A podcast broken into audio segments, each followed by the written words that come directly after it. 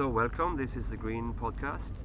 I'm here with uh, uh, people from Iceland who did this really heart-moving, and uh, I got tears in my eyes seeing it yesterday.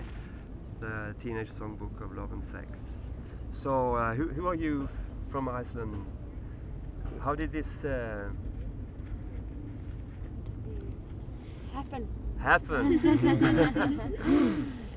Um, we just thought we like me and Alexander we like to work with young people. And we decided to do one more work with young people. And what does do young people think about they think about love and sex and music all the time. So we thought to combine this into songbook. Yeah. And they've written all the, the lyrics themselves, so you've been writing them with them and the music, and it was really nice. Uh, you've really like taken the best out of these people. Yeah. How was it to take part? It was amazing. Yeah.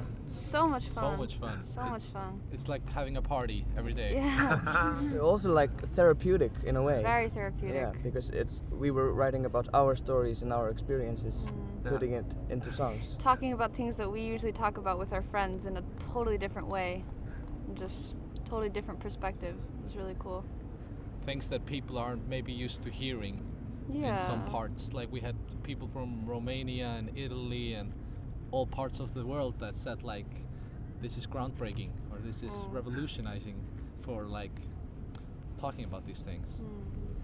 Wh- Why is this? Because it's uh, Because we're talking about like uh, slut shaming, we're talking about uh, a bunch of themes that maybe aren't commonplace in and other countries, I would say. yeah. Mm, Other Well, cultures. Yeah, like this guy from Romania told us that if this show were to be in Romania, uh, he would be arrested for it. Oh, yeah, it isn't really common anywhere to like small talk about sex, or you know. Yeah. Like, I don't think so. yeah. At least. I think a big part of what we're doing is trying to normalize all these themes and all these things and just because it is should be normalized I think in my opinion so that's what Ásrún and Alex have allowed us to kind of do in our own way which I think is really cool and important and it's been very nurturing for us I think Yeah. definitely And you had and you did this together with uh, with teenagers from Bergen. yeah Yeah, yeah, yeah. we uh, joined or um, they had written some of the lyrics as well so we just met them um, on monday this week for the first time and it was so funny because we've been rehearsing some of their lyrics for the longest time so it kind of felt like we already knew some of them which is really cool but they're i mean they're great and they've brought so much to the work it's just so it good to looked like you knew each other very well. yeah yeah. And now now we do which is really nice There was a beautiful moment on the first day when we arrived, when the Icelandic group got to find out uh, Mm. who in the Norwegian choir the song, some of the songs were yeah about. Like Yeah. uh, one of the songs is called Okay. "Thirsty Bitch," Yeah. and so there was this question like, "Who is the thirsty Mm. bitch?" In we were so starstruck we're like it's Yeah. you it's amazing Okay, c- could we could we hear a song perhaps? What about uh, There's so many to choose Yes. from. Yeah. what should we take? Should we do? We could take Thirsty Bitch because Yeah, we we could were take talking Bitch, about yeah. it. Yeah. Or Or That's good. Sure. You wanna do the introduction? Yeah. well, I can.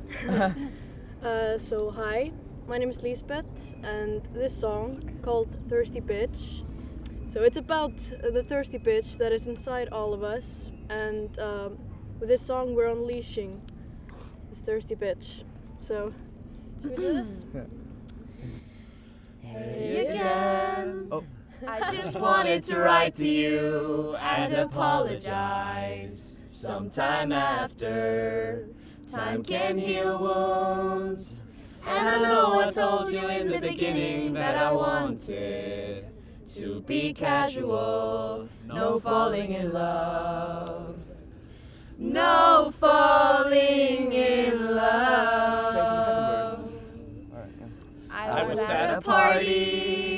for a very limited time, and I wanted the best out of it. I am to this day a thirsty bitch, a little